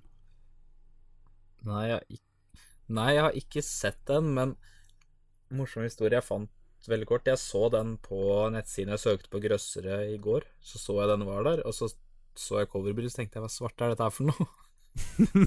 Den er faktisk Den er faktisk Den har en sånn cult following, faktisk. For den er veldig underrated, men den har ganske Ganske Den har noen skikkelig blod, blodharde fans, for å si det sånn. Og jeg eh, Jeg vil ikke si at jeg er blodfan av filmen, men jeg, det er en film jeg har veldig nostalgi for, jeg syns er veldig bra. Og det er jo basically Det handler basically om at Elvis døde aldri. Han bare Det var bare en sånn uh, dobbeltgjenger som tok plassen hans. Mm. Og, uh, og så da handler det da om at Elvis da er på gamlehjemmet. Og plutselig så er det en mumie som våkner opp til live på gamlehjemmet. Det, det er ganske absurde greier, men det er basically en horrorfilm med, med, med skummel monster på et gamlehjem. Mhm. Og du har også en av de andre En av de andre karakterene på det der gamlehjemmet er, JFK. Han, han overlevde oss. Ah, ok. men, ha, men av en eller annen merkelig grunn så er han svart. så, gre så greia at du vet ikke om disse to karakterene her er Er det du Er det du de de påstår at de er liksom Er det en ekte Elvis? Er det en ekte JFK? For at JFK han er jo ikke svart, men han påstår at han hadde den der motsatte versjonen av Michael Jackson-sykdommen. Motsatt versjon av den sykdommen. God damn. Jeg tror i alle fall Hvis ikke så husker jeg filmen veldig feil. ja, ja. Det her er det jeg husker filmen. Jeg har, jeg, har sett den, jeg har kun sett den to ganger, og det er ti år siden. Men det er en film som fortsatt lever i minnet mitt, for den er veldig spesiell. Den hørtes, den hørtes, den hørtes spesiell ut. Ja, Så den begynner som en slags komedie, og så blir det som en slags horrorkomedie. Men den er til tider faktisk veldig creepy, faktisk. Okay. Sånn genuint creepy. Men den anbefaler jeg. Mm. Veldig underrated, bra horrorfilm. Horrorkomedie, da. Ja. Sjekk den ut. Uh, nummer fire. Mm, ja. uh, min nummer mm, fjerdeplassen min da blir The Grudge 2. Spesifikt på grunn av, grunn av at det ligger så langt nede på lista i forhold til uh, På topp femmen, er fordi det er jo en The Grudge 1 er obviously mye bedre på den måten, men The Grudge 2 Det er noe med The Grudge som ikke jeg liker Huet mitt liker ikke det, fordi det er sånn stalking-film. Og det freaker meg ut til en viss grad, for jeg veit at The Grudge ikke Det er ikke sånn Altså, det kommer jo ikke til å skje på ekte. Det er ikke sånn mennesker kan stalke deg. Det er mer sånn Mm. Jeg liker ikke den der Generelt den Det er noe med den der jap japanske kulturaktig stalking som du ser på filmer da, fra originalen til The Grudge Mm. og The Ring og litt sånn forskjellig, at det er mer sånn Jeg veit ikke, det er et eller annet med det som får meg til å bli sånn freaka så at det på en måte løfter løfte beina eller samle beina når du sitter og ser på noe sånt tilfelle noe da er sånn Ligger bare og venter eller ligger og stryker deg på beinet-type følelse. Jeg har aldri sett verken eneren, eller to. Det er en, tre, det er en treer men vi snakker ikke om treeren. Den kom ut i 2009. Vi snakker ikke om den. Det, det, Jeg skal se de to første, i alle fall. For at det er jo film, filmer som har veldig sånn cult following. ja. Ikke Så. se Ingen, altså jeg bare sier det her, ingen Hvis det, ingen har sett treeren, ikke se den. Den bruker samme kidden som den brukte én og to, som var da sikkert seks år. Bare at han brukte den inn i filmen her, så er han, er han 14-15 år og sitter der fortsatt som sånn Det er så, det er så cringe. Åh. Jeg skjønner ikke hva valget deres var, men ikke se treeren. Det er alt jeg sier. Det er, den er forferdelig. Så, men The Grudge 2, den er eh, Den følger jo da opp ifra eneren, som da ei som Lillesøstera til ei som skulle passe Som skulle dra til Japan, som var en, da en sånn som passa på eldre. eh, Til sånn, I sånn private hjem i Japan, som er da normalt nedi der. At du som blir sånn helsepleier, holdt jeg på å si, som kommer og passer på, så da skal lillesøstera dra dit fordi det er noe som har skjedd med storesøstera, da. Og så, ja. Det er vanskelig å fortelle eneren her, toeren, uten å si åssen eneren er. så, men den, hvis du liker sånn film som er sånn at du føler deg halvveis ukomfortabel når du sitter og ser den aleine og i mørket, og at du blir sånn halvveis freaket av smålyder, og du begynner å se for deg ting, så noe som jeg gjør, så er det utrolig creepy. Hvis du er veldig redd for små barn, så det en film Hvis, jeg, hvis du er redd for små barn som står, bare står og stirrer på deg, jeg tror det kanskje er noe med det òg. Jeg er ikke glad i småunger som bare står og glaner på meg, som ikke sier noe. Jeg, jeg, føler jeg, blir, jeg føler de dømmer meg og ser på meg og har lyst til å drepe meg. Jeg vet ikke hvorfor. Har nok noe med den filmen her å gjøre, tror du ikke? Jo, jeg tror det. Jeg, jeg tror helt ærlig det, for jeg så The Grudge når den var ganske ny, og da var jeg ikke så gammel. Så jeg, det, det kan hende at det er noe Fordi jeg blir fortsatt freaka ut en dag i dag med at når det skjer, at du så du blir glad på sånn Har ikke du opplevd det samme? At hvis du har noen unger som bare står rett opp og ned og bare står og ser rart på deg uten å si noe i det hele tatt, som bare står og stirrer, så du har lyst til å se andre veier, og så ser du tilbake, så står de og glaner ennå? Det er iallfall Så The Grudge-filmene er beste prevensjonsmiddelet Yes. som fins. Hvis du ikke har lyst på en, hvis du ikke har lyst på en unge, se Grudge i en tidlig alder, så blir du redd unger, og så har du ikke lyst til en unge sjøl fordi du veit ikke hva du skal si til ungen når de stirrer på deg. Stemmer det. Min nummer fire er Cabin in the Woods. Har du sett den? Mhm. Det har jeg. Det har jeg sett. Det er en fantastisk film, for det er basically De har basically lagd en uh, En slasherfilm som basically er den mest meta slasherfilmen du noensinne har sett. Til og med mer meta enn uh, Scream-filmene. Og det er liksom Det er basically en deconstruction av en slasher eller en grøsterfilm. Det er sant. Og det er Den er bare helt genial.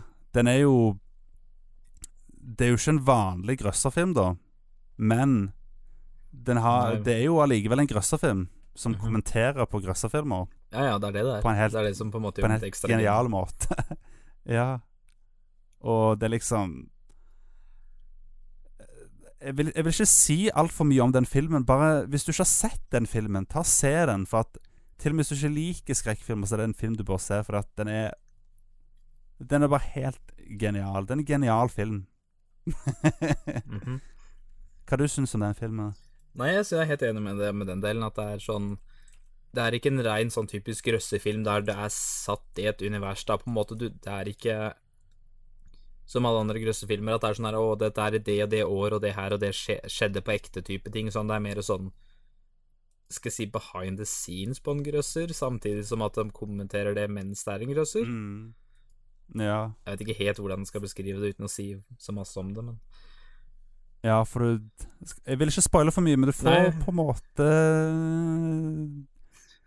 se det fra begge aspekter. Jeg skal ikke si noe mer enn det. Ja, det er det eneste forklaringen jeg har, og jeg vet ikke hva mer jeg kan si på det Ja. uten å si for mye. Det er sant. Det er akkurat det jeg tenkte meg. Og så er det jo Det er jo ganske interessant, da, for det er faktisk Joss Whedon som har skrevet manuset til den filmen her.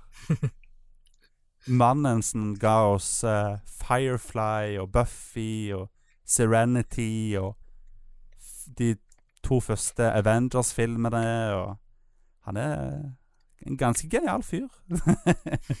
Masse rart oppi huet sitt. ja, det kan man trygt God fantasi. ja, veldig god fantasi.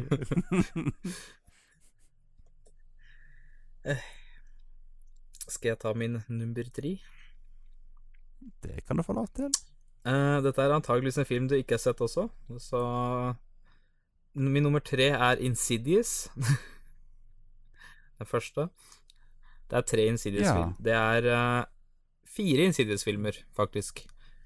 Men den første begrunna av at det er noe med Altså, jeg kan si plottet med uten å si for mye, at det er en som går, En gutt som da kan se ting som ikke er der, og går i søvne med at sjelen hans forlater han mens han sover, og det er ting som prøver å på en måte ta sjela hans på den måten at det, at det er synsk som må komme inn og hjelpe dem med å få tilbake han, og det er masse creepy ting som skjer inni dem, at de er i forskjellige alternative univers, sånn at når sjela di flyr det, Fordi det er jo en ting når folk sier at når du sover, så når du drømmer, så flyr da sjela di ut og opplever ting, for eksempel, ikke sant? Det er jo en, det er en sånn greie folk sier.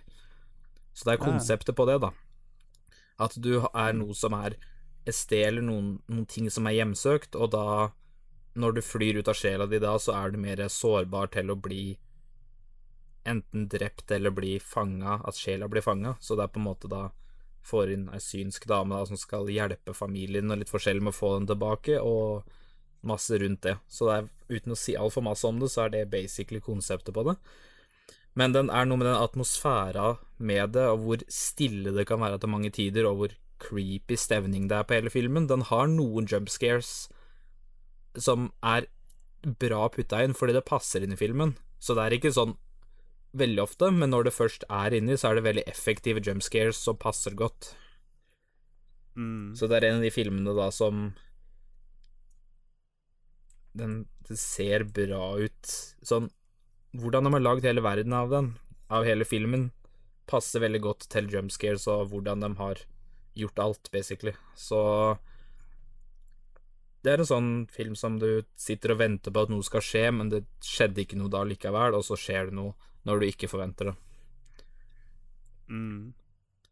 Så den eh, Du har vel kanskje ikke sett den heller?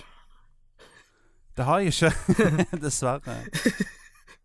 Det er mange filmer som eh, alle, Mesteparten av disse her er jo da si etter For det meste av lista mi er jo etter, 2000, etter 2009-2010.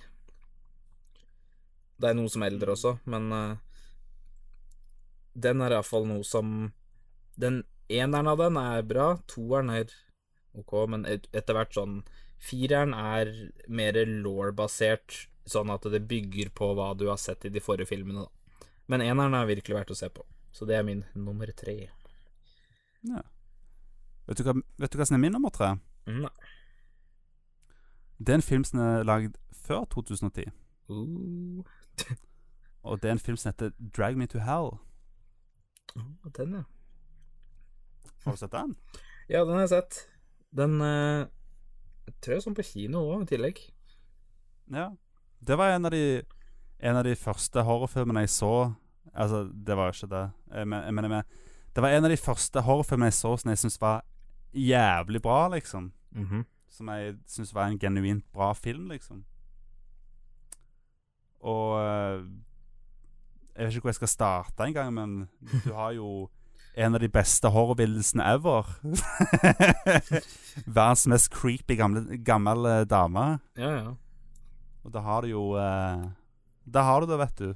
Og så har du jo Det er jo eh, Sam Ramy som har lagd film, og det er jo han som også lagde eh, Evil Dead-filmene. Og eh, hvis du liker Evil Dead, så er det, er det, er det her nok en film du bør sjekke ut. Fordi at uh, det er en veldig mor til tider veldig morsom horrorfilm. Men den er også jævlig creepy. Det er sant.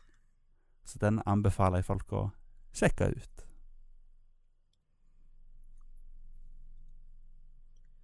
Min, Er det din nummer to? Eh, min nummer to er så masse som eh, Jeg tror jeg satt på The Conjuring på nummer på toeren. Jeg Mm. prøver å ta dette i huet, men eh, ja, det er The Conjuring 1.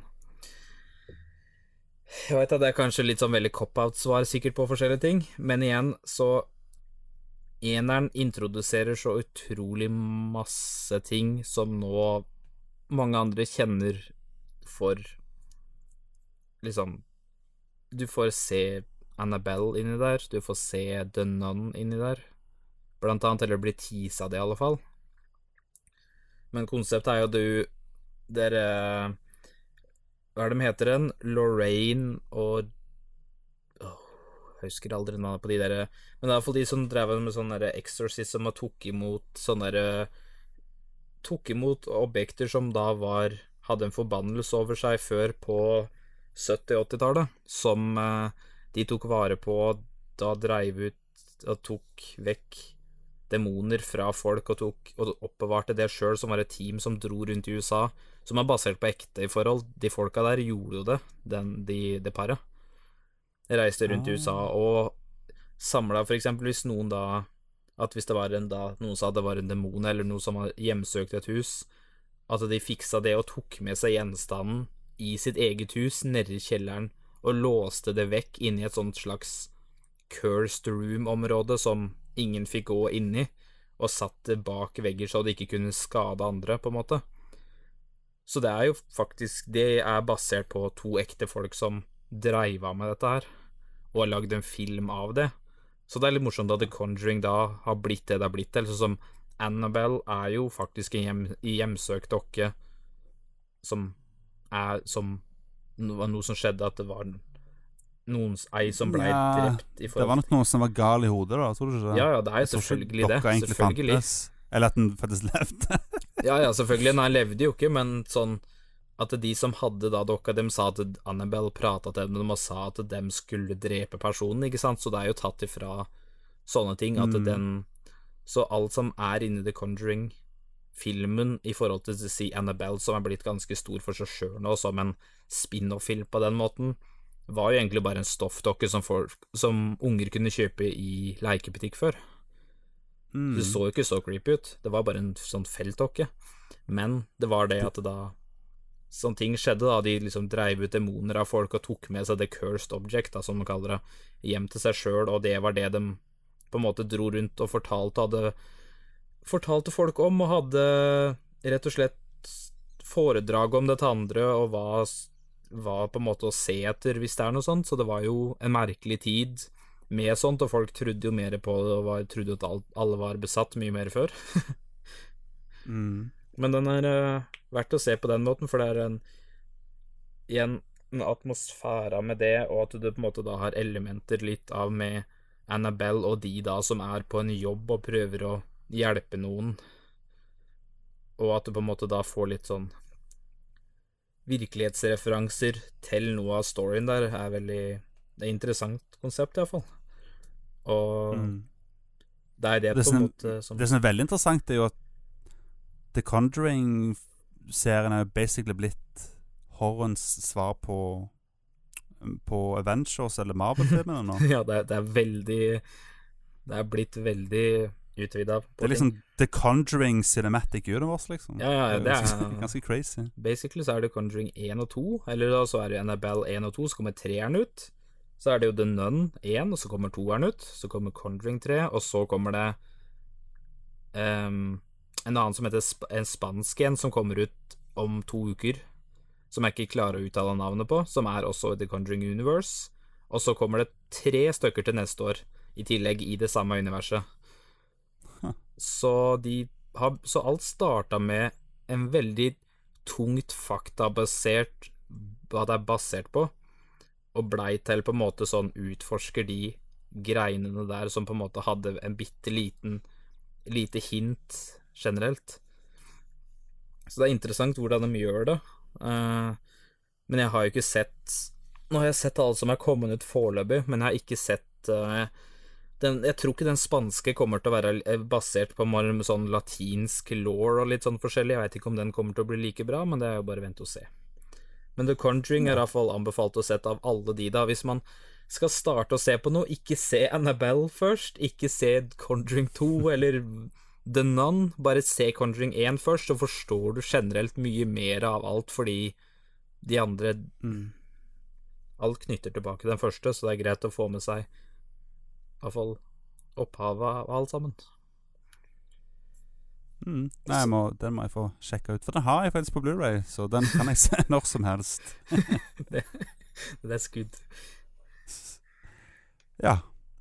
Min nummer to er The Shining.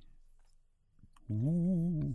Uh, ja, det er Og, det, og det er jo en Stanley Kubrick-film som er basert på en uh, Stephen King-bok. Og Stephen King han var ikke akkurat så veldig glad i, i, den, i den filmen her. Nei, det var det. Men uh, vet du hva, han kan ta seg en bolle, for han har ikke peiling på film. Han er god til å skrive historie, men film har han null peiling på.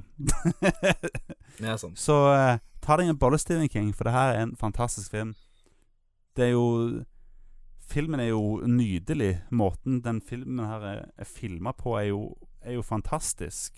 Mhm. Og det handler jo da om Jack Nicholson som blir stadig blir mer og mer gal.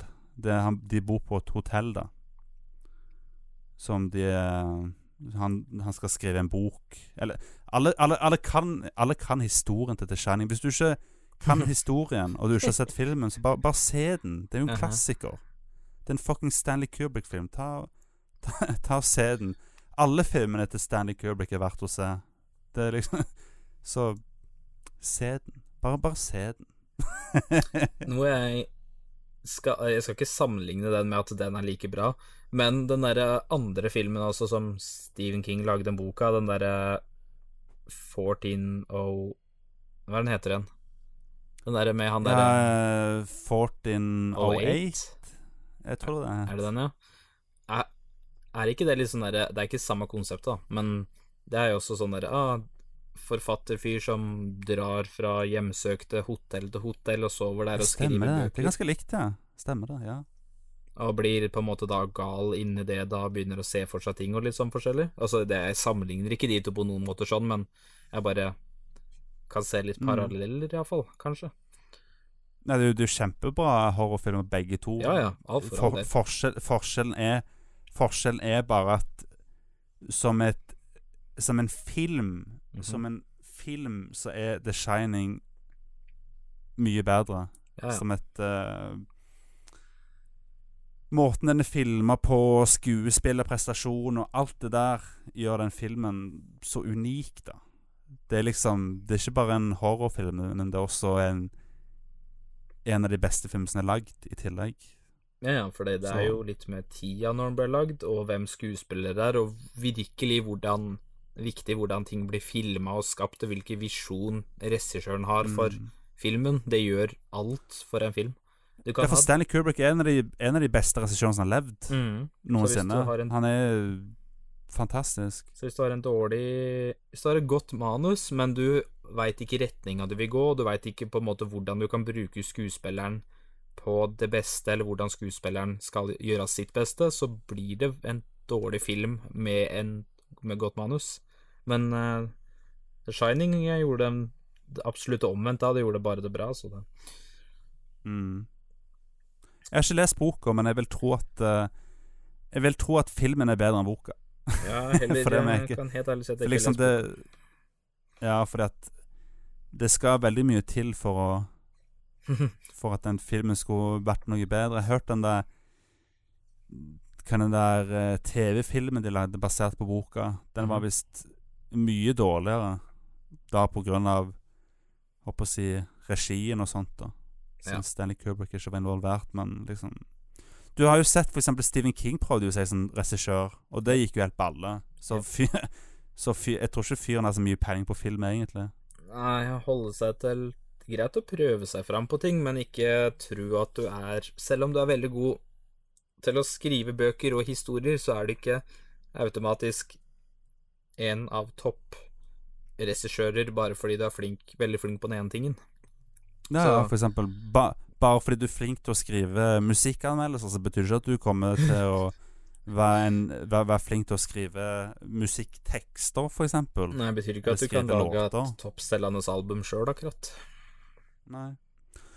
Men du, jeg tror vi nesten må rappe litt opp, jeg. Hva Ja. er din nummer én beste skrekkfilm ever? Er så Ingenting er bedre. Ingenting er bedre. Det her er det beste skrekkfilm som fins ever, og den er så skummel at du kommer til å pisse på deg. Jesus Christ, ikke si det på den måten. Det er ikke sikkert helt for alle. Rett og slett, Ja, det er så så Vi snakka om det tidligere. Jeg er redd småunger, så jeg For meg så er The Grudge 1 fucked, OK? Fordi The Grudge 2, for The Grudge 2 er Nå kan jeg liksom sammenligne her. The Grudge 1, da, som sagt, du følger ei som er amerikaner som bor i Japan, som skal hjelpe de eldre der, eller de det er amerikanere som eldre som trenger hjelp, i, som bor i Japan, og da har de da amerikanere som drar ned litt for å hjelpe dem, fordi de eldre forstår jo ikke japansk. Så de har da caretakers nedi der, og da skjer det ting i huset sånn Basically som er Noen som Huset har blitt brent ned før, og noen har blitt drept inni huset, og ting er helt fucked inni der, og de lever da inni huset som forvridde sjeler og alt mulig. Da, igjen, og da fester de seg til personen som er for masse i huset, hvis de da velger å ta kontakt med de sjelene. Men den creepinessen Jeg kan ikke forklare det, det er sikkert høres helt idiotisk ut. Men den creepinessen der, du føler at du Noen følger med på deg, ser på deg og bestandig er på sida, sånn i hjørnet i bakgrunnen, uten at du veit at de er der, og at de bare sitter og stirrer uten å lage en lyd fra seg. Jeg hater det. Jeg, jeg kan ikke Ja. forklare hvorfor, men jeg, jeg skal si det sånn, det huset jeg bor i nå, så har vi en trapp opp, basically, i stua. Vi har en stor stue, og når det er mørkt der, så kommer bare lyset ute utenfra på natta inn, og da har vi en sofakant, og bak den for, fordømte sofakanten, så når jeg går opp der, så ser det Så står det Så ser det ut som at Så ser jeg for meg huet mitt, for jeg så dette når jeg var liten, så jeg har jo traumatisert meg sjøl med dette her. Så jeg sitter og går opp, så ser det ut som at han lille kiden fra The Grudge sitter og glaner på meg med den der bollesveisen sin og den der hvite ansiktet bare sitter der. Jeg, den filmen har ødelagt meg totalt. Noe som sånne ting, så jeg blir sånn freaka ut når det gjelder sånne der smålyder da når jeg er aleine og jeg er skrudd av lyset og går rundt og sånn, så begynner jeg å fantasere for meg at det er sånne som sitter oppå hyller, som sitter bare og ser ned på meg uten at jeg er veit at de er der. Mm. Så hvis du har veldig forbi mot det, så for all del se Nei, eller ja, for all del se filmen, men du kommer til å bli traumatisert. så selv om den Jeg veit at det er veldig mange sånn Å, The Grudge er basic. Men det er ikke det. Den har ikke jump scares på den måten. Den har noen få, men det er den stalking-følelsen og den forfølgelsen at du på en måte du Selv om uansett hvor du går da, så kan man føle seg usikker på at noen følger etter deg, at de samme personene følger etter deg, at du ikke føler deg trygg i ditt eget hjem eller ditt eget område der du skal føle deg trygg. Mm. Så det er min nummer én, basically på grunn av det. Og hun som spiller inni der, hun er jo hun som spilte Buffy. Uh, hva er det, jeg husker ikke hva hun heter. Hun spilte også Scooby-Doo-filmen, live action-filmen. Jeg husker ikke hva hun heter. Men du veit hva jeg mener? Ja, jeg vet hva du mener. Mhm, hun blonde. uh, hun gjør en bra rolle Buffy, i ja. Så hun Hun er, hun fra nå av så heter hun Buffy. Ja, vi kaller henne Buffy. Det er navnet hennes. Så hvis du har den Hvis du på en måte har den Det settet at du på en måte ikke føler deg 100 trygg et, når du har et stort område som du har for deg sjøl, og du begynner å fantasere litt, og du har sett en film og føler deg sånn der halvveis ståka, så hvis du vil ødelegge noen uker og måneder framover med det, go ahead og se det. The spesifikt Grudge 1, men også toeren, men eneren er et virkelig noe du må se, da. Men du har vel ikke sett noen av dem på listene mine, tror jeg? Uh, jeg husker ikke helt. Jeg husker ikke hva som var lista den gangen. Det var Sinister Men ja, jeg- salt, så jeg tror ikke du har sett noen av dem, noe som er litt morsomt. nei, stem, stemmer det. det. Det eneste jeg hadde sett, var en oppfølger til en av de filmene. Det, det var veldig mye sånn Det her er jo Jeg har jo ikke sett noen av de filmene der, men jeg, se- når, når jeg så oppfølger til den ene filmen din, så var det sånn Jeg tenkte Det her er veldig sånn basic bitch horror, tenkte jeg når, når jeg Ja. så den. Nei, den Men, toeren er eh, ikke Sinister 2 er ikke like bra som eneren. Det, jeg vil bare si at jeg blei litt skuffa over den og sånn sjøl. Det er det alt jeg har å si. Se eneren. Det er bedre.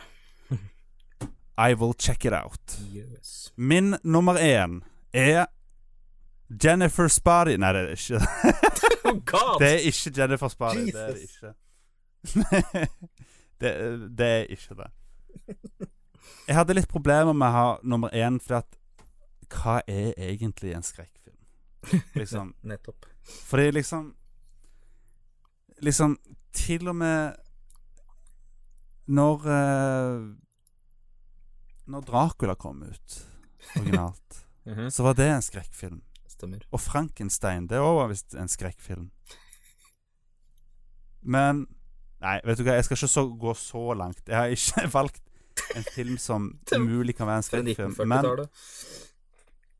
jeg har valgt en film som veldig få folk tenker på som om det er en skrekkfilm.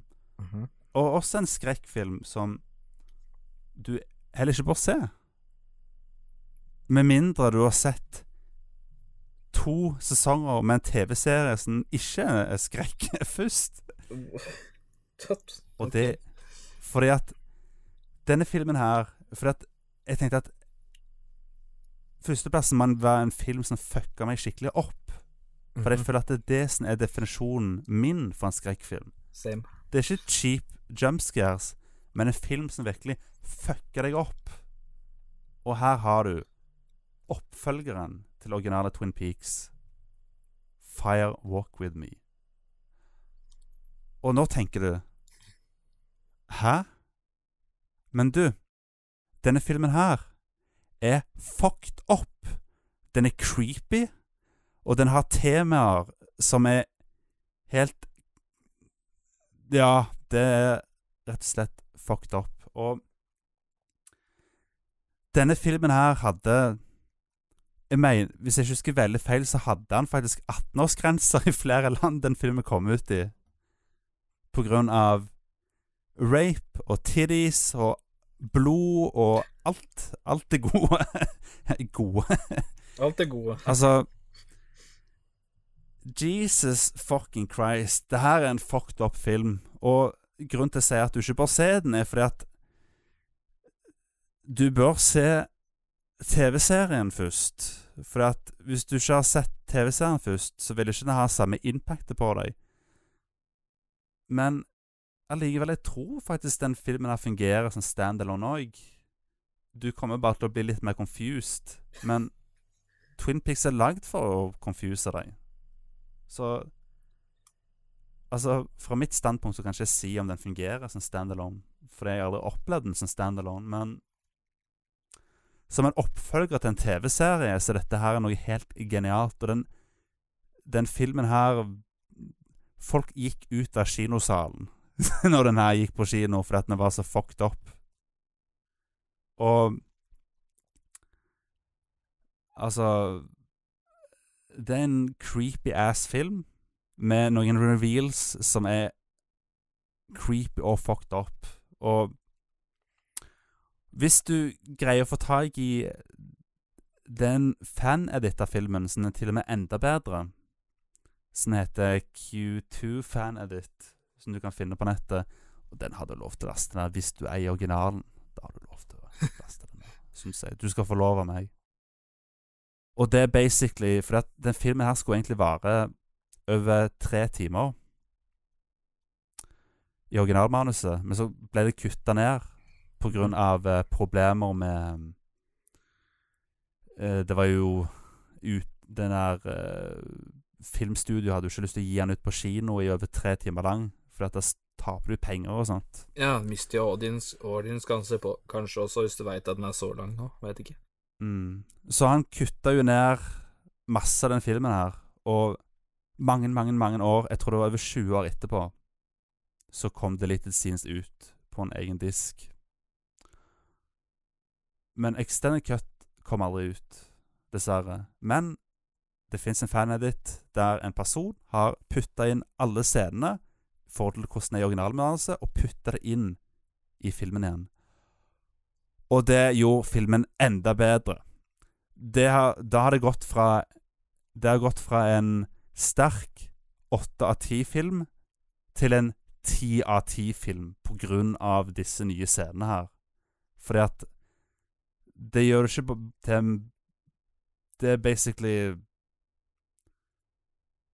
Det er Du kan se på det som den beste seriefinale til en TV-serie noensinne, som er så crazy og Det er basically Se for deg at Lost fikk en, en film som var nesten fire timer lang. og den hadde 18-årsgrense, og det var noe av det mest originale du hadde sett noensinne. Det er Twin Peaks Firewalk of Me. Og den er crazy, skummel. Du vil føle følelser du sikkert ikke har kjent på lenge, og du kommer til å være ukomfortabel i store deler av filmen. Ta og se den. Det er det jeg kaller en skrekkfilm. For den er skrekkelig fucked up og skrekkelig fantastisk. Se den. det var min rant. Og du, jeg tror vi må gå videre.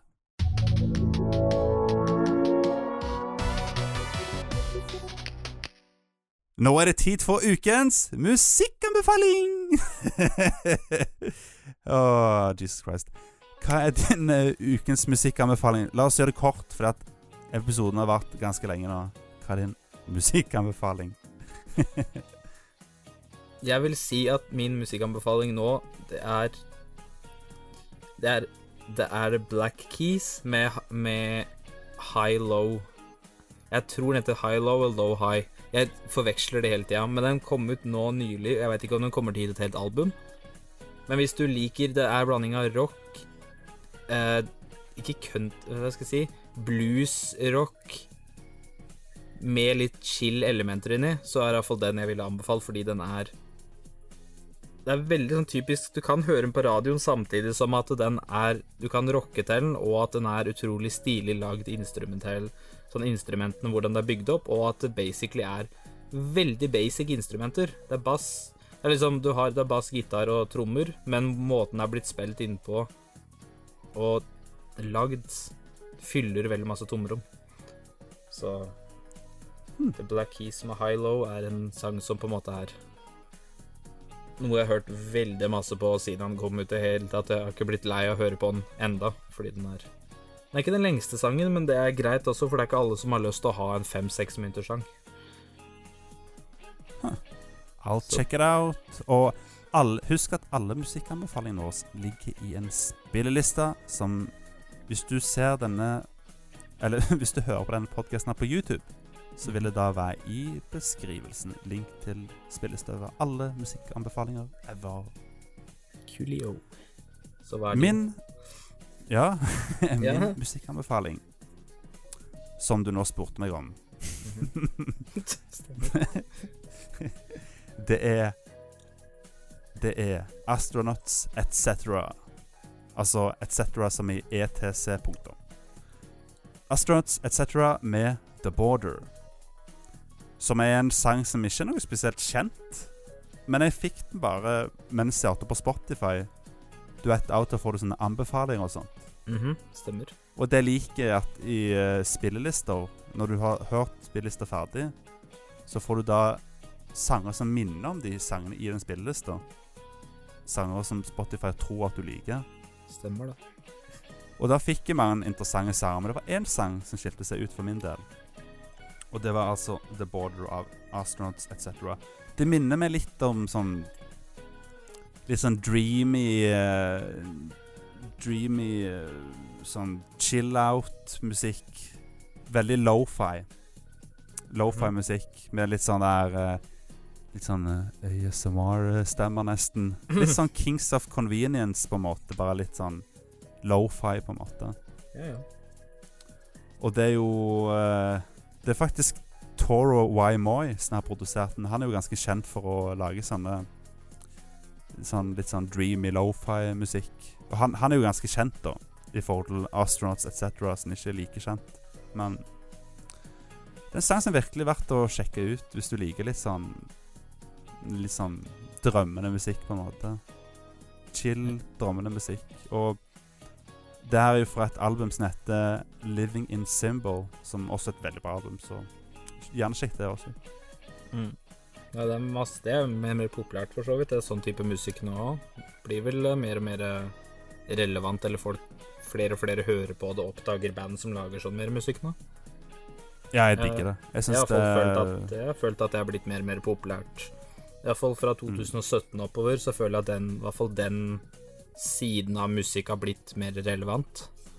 It's the good part of It's the good part of hipster music. Ja, det er det jeg mener. Der, før var det hipstermusikk, sånn, sånn skikkelig cringe hipster.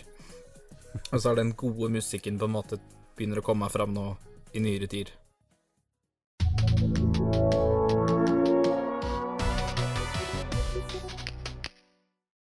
Du? Mhm. jeg må fortelle deg en trist nyhet. Å nei. Hva er det for noe? Vi må dessverre avslutte podkasten nå. Å nei. Så trist. Vi som hadde det så koselig også. ja, ikke sant? Nei, men det var, det, var, det var utrolig kjekt å ha deg som gjest, da. Jo, det var uh, koselig å være Ja. tilbake igjen her. Sist, sist gang så var det så juletema, så vi kunne på en måte ikke bare måtte holde det litt innafor det. Nå kunne vi i hvert fall prate om noe som var litt overalt. Mm.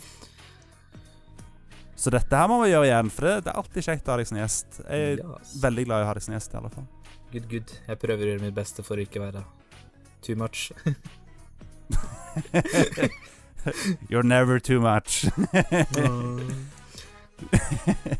Men ja, ta og Ta og sjekk oss ut på Vi er jo Sola Cola. Er på Soundcloud og YouTube. Du søker bare etter Sola Cola, så finner du oss. Og eh, hvis du går på solacola.no Altså ikke sola og cola.no, men solacola.no, fordi det er lett å skrive, så finner du da Eller du blir da redirecta rett til Facebook-fanpagen vår. Så hvis du liker oss der, så vil du da få oppdateringer om når vi legger ut nye podcasts og videoer. For det poster vi da på Facebook. Og da, er det mye lettere å finne det. Da, da har du jo altså linker til Soundcloud og YouTube-kanaler og og så videre. Så solacola.no, check it out. Og vær så snill og subscribe som Som Voice of Repeat sa i starten av episoden. Vi trenger hjelp. Klikk that subscribe-button. Og klikk eh, like og gi oss kommentar, for da blir vi veldig glad. Og da redder du livet vårt. På en måte. Har, du no, har du noe mer å si, Joakim? Eh, nei, ta rett og slett uh, notification bell viktig, så du faktisk får Hvis du ser på YouTube, så får du da opp videoene. For hvis ikke så er YouTube litt broken for tida. Så ja. det er viktig. Klikk that notification bell. Bortsett fra det, selv om jeg har nå over ak akkurat over 100 subs, så hadde jeg veldig satt pris på om du subscriba til spesifikt gamingkanalen min, fordi du er jo med masse i videoene mine der. Ja, Du også. folk, folk burde abonnere på Gametime Norway, for da får du mer Sola. Det, det er Og alle vil ha mer Sola. Det er, det er base Hvem liker ikke sol? Nettopp. Vi trenger sol. Ja, man trenger sol. Ah, Så, så så basically, det er eh, spesifikt da litt lengre Let's Plays kan da bli til uh, litt podcast-aktig til tider uansett. Så hvis du på en måte da vil ha litt å se på samtidig mens du prater, så er det også et alternativ. Så subscribe til det uansett om jeg er over 100 subs, så det, setter jeg alltid pris på. Noen får ekstra uansett. Og husk å subscribe til PewDiePie. Ja, det er viktig. sure! Så skal du fyre på. Ja, ja. Nei, men du. Mm. Tradisjonen er jo da å avslutte med Sola Colas eh, eh, slagordet vårt til Sola Cola. Og hva er det, Joakim? Jeg vet ikke hva det er. Kan du ikke slagordet vårt? Hva er det for noe? Men dere fortalte meg dette her, var ikke du sa meg bare lage en liste på filmer? Du bare. Det, det er alltid jobben til uh, sidekicken å si slagordet. Ja, Har du Fortell Nei, vet du hva? ha det bra. ha det! Ha det!